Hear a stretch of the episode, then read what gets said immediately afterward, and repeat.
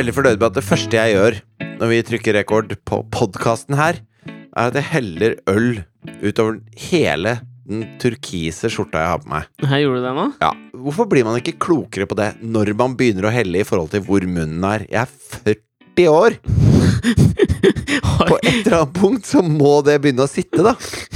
Jeg husker da jeg jobba med Hvem kan slå Aamodt og Kjus, så snakka vi hele tiden om muskelminnet til de to gutta der. Mm, At det var liksom helt rått, da. ja. Det var noe de virkelig fikk til. Det er noe jeg virkelig ikke får til.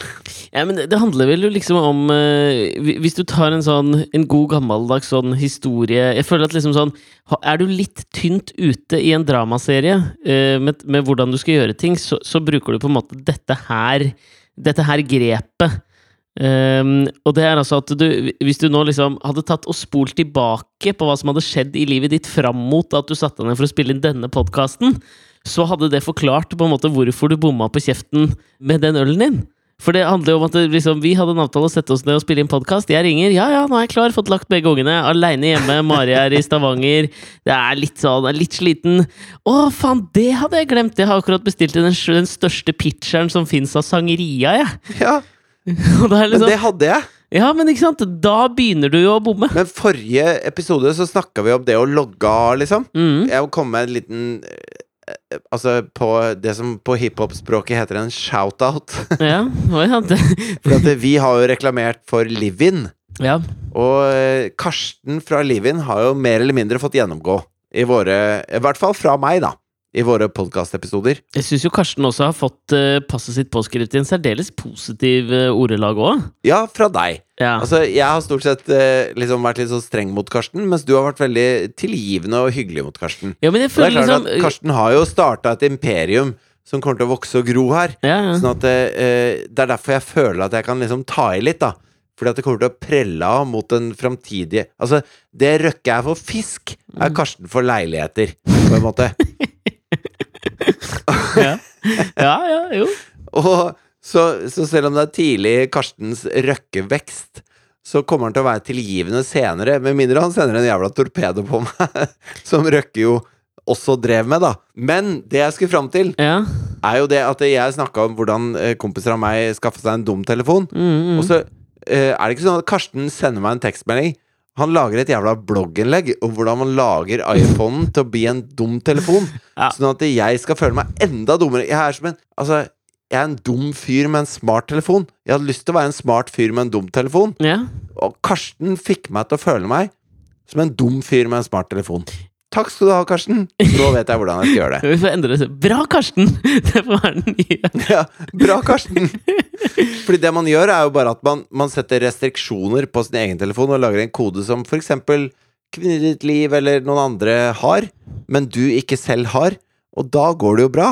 På disse, Oi, oi, altså, du kan jo Jeg burde jo skjønt det sjøl! Ja, jeg vet det, men dette er jo grunnen til at kanskje du ikke sitter i Karstens eh, sko, da, med en deilig elbil, nydelig dame og en eh, thriving startup-business, liksom. Det er jo Og at du ikke liksom lager et blogginnlegg som svarer på det du hører på i en podkast, bare for å forklare noe.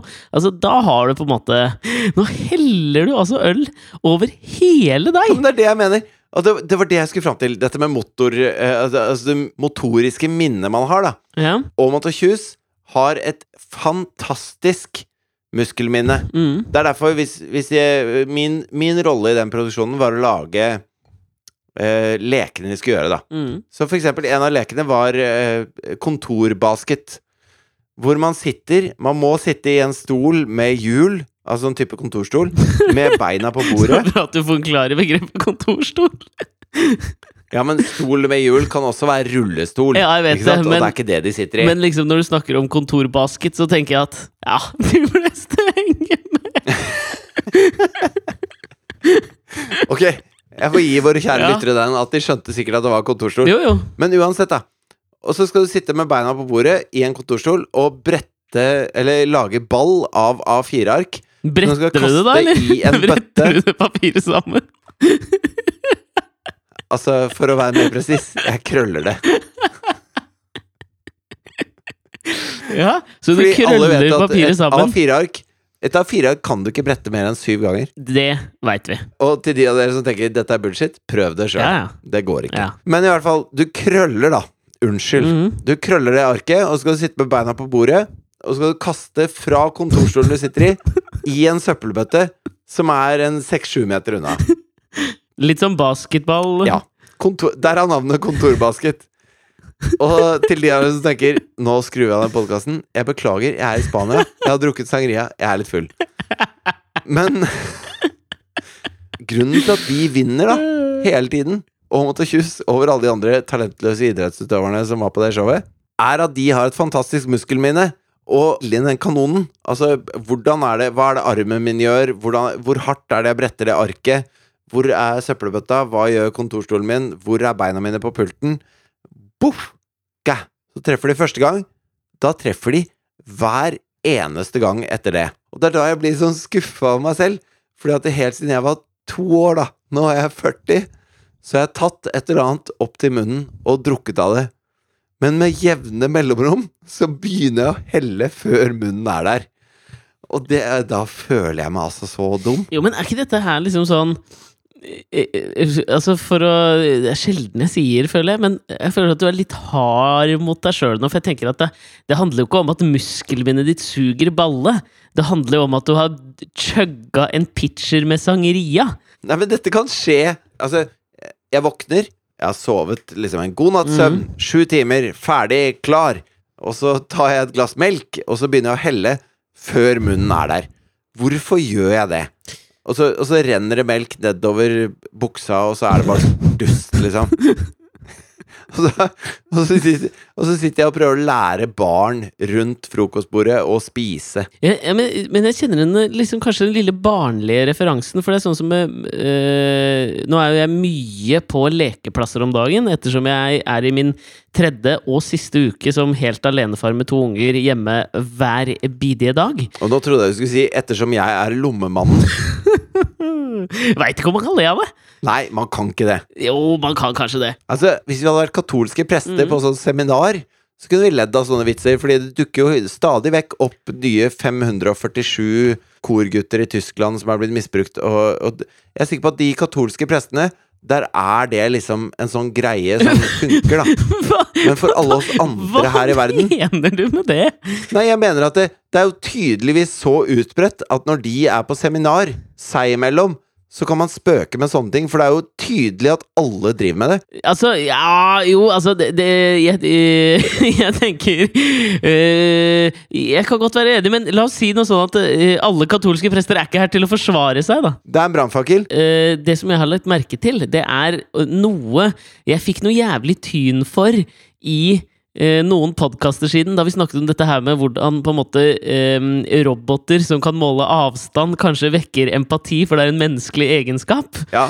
Så, så merker vi at den, Da fikk jeg mye tyn for at avstand ikke var en veldig empativekkende egenskap, men til stadighet dukker det nå opp ting som beviser deg feil der, da. Altså det å måle avstand, det, får, det er jo det det handler om for deg. Du klarer jo ikke å måle avstanden fra, armen inn til kjeften. Og det gjør på en måte ikke Asta eller noen andre unger når de skal liksom leke med ting. Så ser jeg at liksom sånn på lekeplass, hvis du skal hoppe fra en stein til en annen, sånn, så de, de har jo ikke peiling altså De hopper jo alltid for tidlig. Sånn som Asta skulle liksom hoppe uti en sånn fotballbinge. Og så Hun hopper jo opp en meter før hun kommer fram til der hun skal ta sats. Og det er jo liksom den barnlige ekvivalenten her til det du driver med. At du på en måte ikke har Du har ikke liksom utvikla deg siden det, bare at nå dreier det seg om noe annet. Det dreier seg om å føre sangria til kjeften, liksom. Så skal det være sagt da at Asta er jo ikke et sånn motorisk unikum. Det er jo ikke du heller, da, tydeligvis. Nei, nei, jeg er ikke det sjøl. Men, men andre barn på Asta sin alder eh, Jeg vet ikke helt hvordan jeg skal si dette her, men eh, Du har fornærmet alle verdens katolske prester, så du kan jo bare fortsette å se hvor du kan grave deg ned nå. Der ser du hva en, en eh, jug med sangria gjør med deg. Men, men Asta er jo ikke kjempeflink motorisk. Hva mener du? Hun er dødsgod oralt. Altså, hun kan prate for seg, den ungen. Yeah. Kan virkelig prate for seg. Hun er superlangt framme på språk, sang, eh, eh, vidd. Eh, hun kan ja, men det, faen! du La oss bare altså, se nå. Hvor langt er vi ute her nå? En ti minutter ute i podkasten, og vi har allerede fornærmet en hel religion. Og mitt barn! Det er faen meg Det er, skal, det er, en, det er en pitcher med sangria som skal til. Nei, men dette, dette lærte jeg når det gjaldt barn, da. når jeg, hadde, når jeg selv hadde barn, så lærte jeg at det, altså, hvis de begynner å gå seint, Ja. så lærer de å prate fort. Hvis de begynner å gå fort, så er de så opptatt med det å gå at de prater litt seinere. Men alt det jevner seg ut etter hvert. Ja. Og det er helt greit. Ikke ja, sant? ja. Nei, men så, sånn er det. Og Asta er jo Hun er jo en sånn slags eh, En slags Nordstrands Aaron Sorkin, så hun lirer jo av seg tirader av rang. Uh, men hun er, ikke, hun er ikke noe motorisk unikum. Nei, men vet du hva, jeg, bare, nå jeg driver bare og pusher deg litt nå, men jeg er jo helt enig. Men det er jo liksom sånn, du har jo helt rett der. Det er jo noe med sånne unger som de, de får ikke plass til alt sånt oppi huet samtidig. Men jeg har jo alltid tenkt at det dreier seg bare om unger. Men det viser seg jo kanskje at det ikke gjør det, da. Fordi, la oss si at vi kan bruke den forklaringa isteden Hvis vi skal prøve å finne vikarierende argumenter for din del da, på hvorfor det ikke handler om pitcheren med sangria, så er jo det en Det er jo litt mer plausibel forklaring på hvorfor du på en måte til stadighet bommer. Det er fordi huet er fylt av andre ting, så du kan ikke liksom bry deg med de gemene tingene som å drikke. Ja, men gjør ikke du det? Er det bare meg, liksom? Nei, men jeg gjør det utelukkende hvis jeg har drukket liksom fire øl. Aldri ellers. Jeg gjør det oftere hvis jeg har drukket øh, øh, en del. Men jeg gjør det av og til ellers også. Men, men eh, når det gjelder dette med katolske prester, så, så velger jeg å ikke si unnskyld. Nei, det Fordi er at jeg innafor. fornærmet en hel religion.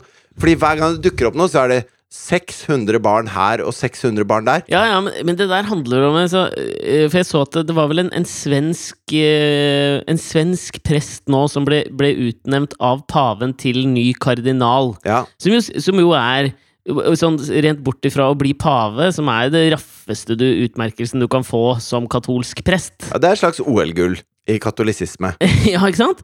Han hadde et sånt sommerprat på, på svensk radio, sånn som vi også har her i, i Norge. ikke sant? At eh, kjente mennesker kommer og så forteller de livshistorien sin på en time på P2. Ja. Og, og da prata han jo mye om dette her med liksom sex og det å leve i sølibat. ikke sant? At det, det koker altså så jævlig.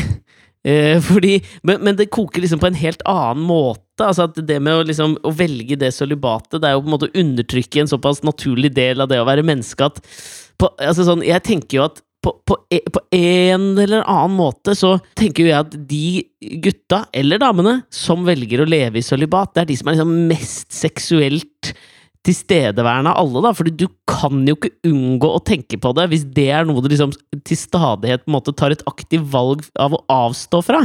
Ja.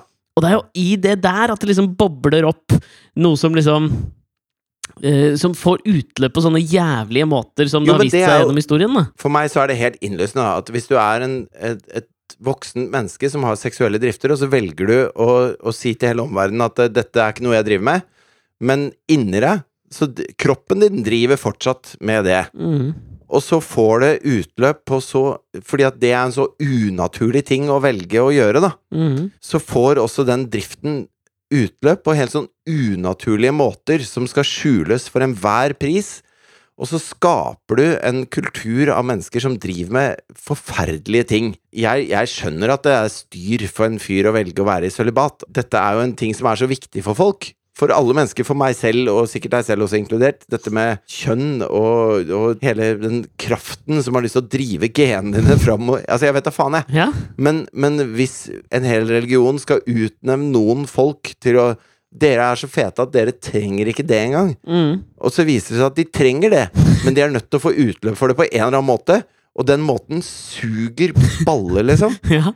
Altså, den, den måten er den verste måten du kan gjøre det på. Kan dere ikke bare Kan dere ikke bare finne, Bak- bli bak- forelska og ligge med noen og være hyggelige og, og ordentlige folk, da? Bare knull vanlig, liksom. Bare gjør det på, på en helt vanlig måte. Ja, men Så er det mye, mye, mye greiere. ja, det- det er greit. Men jeg, liksom, jeg syns det er fascinerende nå også at jeg prøvde liksom å finne en eller annen forklaringsmodell på din litt sånn derre artige søleidiosynkrasi, men du vil til stadighet tilbake i underbuksa på disse katolske prestene. Men jeg, jeg vet ikke helt Ja, hvor men det det du også gjør når du sier at det, han fyren syns det er jævlig vanskelig å leve i sølibat. Det å velge sølibat er jævlig vanskelig, og derfor er det kanskje mange som driter seg ut på den fronten. Men det å, å misbruke barn er ikke å drite seg ut, da. Ja, nei, Jeg mente ikke det som et liksom sånn at det er på en måte collateral damage når du velger et så Nei, jeg vet at ikke du gjorde det. Altså, jeg kjenner dine verdier, og, og jeg prøver ikke å si at du, at du kimser av det, men, men eh, Vi må prate om noe annet. Sorry. Jeg bare blir så forbanna når jeg leser sånne overskrifter. Ja, nei, men altså, Jeg, jeg syns jo fortsatt det er fascinerende at liksom sånn for, for meg nå, og det er derfor jeg liker å fortsette å spille inn uh, podkast med deg, så dukker det opp liksom sånne her ting som for meg Eh, liksom sikkert for mange også kanskje kunne liksom vært en, en bitte liten greie. At du søler At du liksom Du begynner å helle veldig ofte før du treffer kjeften. Ja. Men for meg er det liksom det, det er en fascinerende ting som kanskje liksom kan avsløre noe mer, da. Altså i type sånn biopics av genier, på en måte, da. Altså hvis du har sånn goodwill hunting-folk. Og jeg liker Eh, hvor dette det går hen. Hvor er det du skal hen nå? Ja. Jeg liker hvor dette er på vei hen. Ja, men nei, da- så har de alltid en eller annen sånn En eller annen liten quirkiness som gjør at, måte, at, at, at vi vanlige mennesker føler at vi kan på en måte relatere oss til dem som mennesker. At de liksom bare ikke er bare den der enorme hjernen eller et eller annet. Sånn som, altså, sånn at Matt Damon liker å drikke og slåss i Goodwill Hunting. Som gjør han litt menneskelig, selv om han har denne fantastiske hjernen som løser alle mulige mattestykker uten at han har gått på skole en eneste dag. Så har han liksom samtidig den menneskelige siden som på en måte grounder han litt. Og så, og så tenker man- Mange tenker sikkert liksom, nå overtenker du at en fyr bare ikke tenker seg om når han drikker, men jeg tror ikke jeg gjør det. Det fins sånne her eksempler på, på alle liksom store tenkere, eller altså, Tror du ikke det? Ligger det ikke noe i det der? Det er dumt å spørre deg, da. Du ville jo helt sikkert være enig i det. Altså, dette er kanskje det vakreste du har sagt til meg noensinne.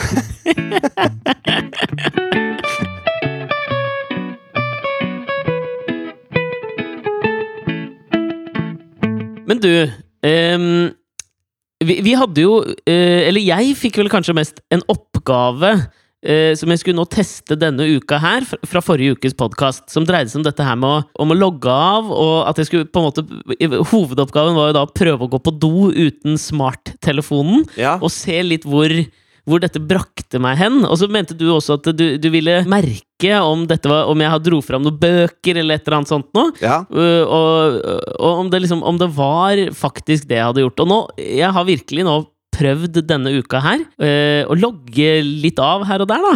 Og jeg, jeg skal prøve å gi deg et lite innblikk i hva, som har skjedd. Uh, for jeg har virkelig Jeg har, ikke, jeg har prøvd å ikke juks, jukse. Og jeg har ikke tatt med meg noe annet når jeg har vært på do, og jeg har prøvd å liksom legge bort alt. Men det er, jo, det er jo en vesensforskjell i forhold til Altså som jeg som er på ferie nå, mens du er hjemme mm, med en uh, kone som jobber, mm, og to barn som krever din oppmerksomhet. ja. Og jeg hadde nok slitt med å logge av på samme måte når jeg er hjemme, og i det som jo på et eller annet punkt må føles som jobb, da. Når du har ansvaret for to unger døgnet rundt, liksom. Ja, eller det føles litt som jobben. altså øh, øh, Jeg føler kanskje litt at for å på en måte komme gjennom dagene på best mulig måte, med to barn sånn her som man liksom har aleneansvar for i liksom så å si all våken tid, så må man nesten betrakte det litt som en jobb for å få gjort noe. Ja, man må det. Ja, fordi Hvis ikke så hadde vi bare flyttet rundt. Da hadde vi ikke gjort en dritt. Og så prøver jeg har jo lyst til at de skal liksom få At vi skal på et eller annet tidspunkt av dagen få kommet oss ut av huset. Og hvis jeg ikke betrakter noen ting som liksom sånn Denne oppgaven her, den må løses til da, og så skal vi få gjort det. Altså sånn, Da hadde det jo ikke gått. Jo, men det, men det er derfor jeg mener at du står overfor en større utfordring. ja. For det er sånn, hvis jeg ligger på en solseng mens Jonathan sover midt på dagen, og jeg skal ikke noe den neste halvannen timen, og sola steiker og jeg er i Spania, liksom, så kan jeg da velge skal jeg scrolle på Facebook, eller skal jeg lese en bok? Så er liksom det å logge av er et, eh, et prosjekt som er innenfor rekkevidde. Mens hvis du eh, lever det livet du lever nå, så er det en større utfordring for deg enn det er for meg. Ja, det er jeg rimelig enig i. Jeg syns dette har vært grisevrient, jeg, for å være helt ærlig. Og, eller, men oppi det så har jeg øh, kommet fram til noe. Altså, jeg, jeg føler inni meg at jeg har en slags konklusjon, på en måte. Men jeg har jo lyst til å på en måte ta med deg og lytterne på veien dit, og se om, det, om jeg klarer å på en måte øh, forklare hvorfor jeg er kommet til den. Da. Fordi jeg vil påstå at jeg skal ta dere med på en nostalgitripp langs nevrosehelvetes memory lane nå, okay. ass, fordi dette har vært ubehagelig, ass! Ja, For du har virkelig gjort det? Ja, ja. Jeg har virkelig gjort det. Jeg, og jeg, nå er jeg helt ærlig. Det er, jeg har ikke liksom sluntra unna eller liksom prøvd å, altså, å jukse eller noe. Jeg har ordentlig prøvd dette her. Uh, og i starten, når man begynner med sånne ting, så er jo på en måte uh, bare Men har du hørt på podkaster underveis, eller har det også vært på en måte nyheter og, og eh, Hva var det du kalte det? Evigvarende media? Nei, jeg har ikke hørt på noen podkaster eller noen ting, så det har vært liksom, jeg har vært helt off. Jeg har jo på en måte lest nyheter, men, men utover det så har jeg ikke liksom Jeg har prøvd å liksom holde meg helt unna, da.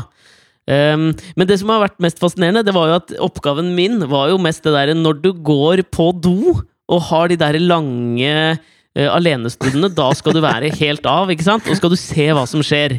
Det er morsomt at det som, opp, oppi dette her, så er utfordringen din er å gå på do. Det er litt som at utfordringen min er å, å helle fra eh, glass eller en beholder inn i munnen. ja, Vi er ganske basale i dette her. Ja, jeg, men jeg tenker at det er kanskje greit, ja, at man starter å bygge grunnmuren, da. Så kan vi heller jobbe oss videre oppover seinere. Ja, men fordi i, når, når man starter med en sånn ny, en, en ny greie, så gir jo nyhetens interesse Gir jo huet da noe å jobbe med i starten som ikke gjør det så vanskelig. Så liksom eh, Ja. lørdag, søndag, mandag var jo ikke noe, det var ikke noe stress. Jeg kjente jeg begynte å få Man får litt sånn abstinenser av at man har lyst til å fingre med noe eller fikle med noe. Men, eh, men det går greit, på en måte. Jeg sa det ikke. Nei. Eh, Men så kom på en måte tirsdag og onsdag, og sånn, og da begynte hjernen å jobbe på, på høygir. Eh, og det jeg merka som, som ble fellesnevneren for alt som skjedde med meg, det var en ganske sånn ubehagelig sånn eh, backtracking av ting, da. Som, som lå type langt nede i bevisstheten eh, og ulma. Som jeg ikke har tenkt på på jævlig lenge. Så du begynner å bearbeide greier, liksom? Ja, altså, og det er ikke noe å bearbeide, det er det som er så rart. Altså, jeg, jeg, jeg prøvde å notere ned de tingene Altså, de, de, noen av de tingene som kom tilbake oftest. Og nå skal jeg prøve å liksom gå kjapt igjennom dem for deg, fordi at det, det, det var sånn følelsen i huet var. Det var ikke sånn at jeg satt og tenkte én tanke helt ferdig. Jeg ble bare okay. bombardert av disse greiene her. Skal jeg prøve å liksom gjøre det samme, prøve å gi den samme følelsen til deg og lytterne, da? Ok, jeg kan ikke love at jeg ikke kommer til å avbryte deg underveis her nå. Nei, det er helt greit, men altså, det regner jeg nesten med, fordi dette er Og, og dette her er for meg ganske flaut, disse avsløringene her, syns jeg. For det viser liksom en nevrotikers dagbok, på en måte. Okay. Men altså, i, i fjerde klasse så var jeg og Kristoffer på vei hjem fra skolen, og vi hadde det dødskult. Vi var blitt kjempegode venner. Og så drev vi og tulle, tulla litt og dytta og knuffa litt på veien hjemover, liksom. Bare på tull. Og så på et tidspunkt så tok jeg i altfor hardt, og så dytta jeg Kristoffer så han falt oppi en vanndam. Han sa at det gikk greit, men i etterkant så har jeg tenkt mye på det. Den tanken hjemsøker meg på dass. Jeg har så dårlig samvittighet for Kristoffer, liksom. For det blikket hans han datt i den sølepytten av liksom skam og, og jeg, jeg fikk så vondt i hjertet. Og har, altså, det gjør like vondt nå. Jo, men eh, eh, altså her Jeg, jeg føler at jeg, jeg kommer sikkert til å avbryte deg for hver sånn anekdote nå. Mhm. Men jeg har, jeg har også en sånn. ja. Fordi at det, en- når jeg gikk på barneskolen, så var jeg jo ikke verdens eh, kuleste fyr. Heteste potet. Nei, og da, da driver man og eksperimenterer med ting. Og da var det ett punkt sånn i kanskje tredje-fjerde klasse jeg, hvor jeg begynte sånn å eksperimentere med Altså, kan jeg, kan jeg tråkke på noen som er lavere enn meg på rangstigen? Ja. Eh, som jo er et rasshøl-type move. ja. Eh, som jeg angrer på eh, for evig og alltid. Men hvor det var en fyr som var liksom Han var mindre kul enn det jeg var, og jeg var ikke spesielt kul, så han var veldig ukul. Og, og jeg var i hvert fall en fyr som kunne løpe relativt raskt. Så jeg følte at jeg kunne slenge dritt og klare å komme meg unna. Mm. Og så husker jeg den dagen han fikk tak i meg eh, Når jeg drev og slang dritt. Hvor jeg, hvor jeg fikk føle på kroppen tyngden av, av det jeg hadde drevet med da. Og jeg tenkte at ok, det å være mobber, det er liksom ikke Det er ikke noe jeg kan slå meg til ro med. Det, det driver jeg ikke med. Og det, det var, det var en, en beinhard lærepenge som jeg fortjente og fikk i tredje klasse, og har prøvd å leve etter en dag i dag. Jo, men altså, det føles jo ut som om du på en måte har en eller annen slags form for closure i den følelsen der. For meg er den like tilstedeværende der jeg sitter på dass og driter. Altså, at jeg har så vondt i For Kristoffer har aldri dytta deg i noe sølepytt. Ja, han har jo ikke det. Nei.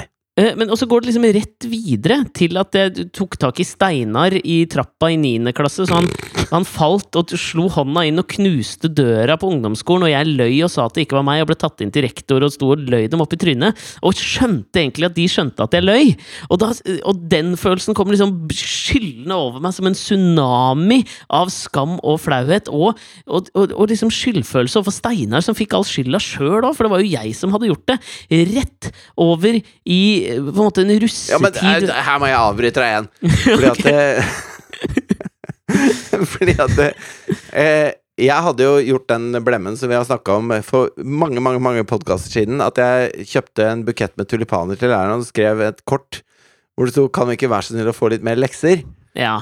Og fra det punktet så elsket Alette, som var min, eh, min hovedlærer på barneskolen, meg. ja. Eh, så da jeg prøvde å være litt kulere og gjøre litt bøll, så tok jeg Vi hadde sånne små melkekartonger og bytta på ansvar for melka på barneskolen. ja. Altså ansvar for å dele ut de melkekartongene til alle de som skulle ha melk.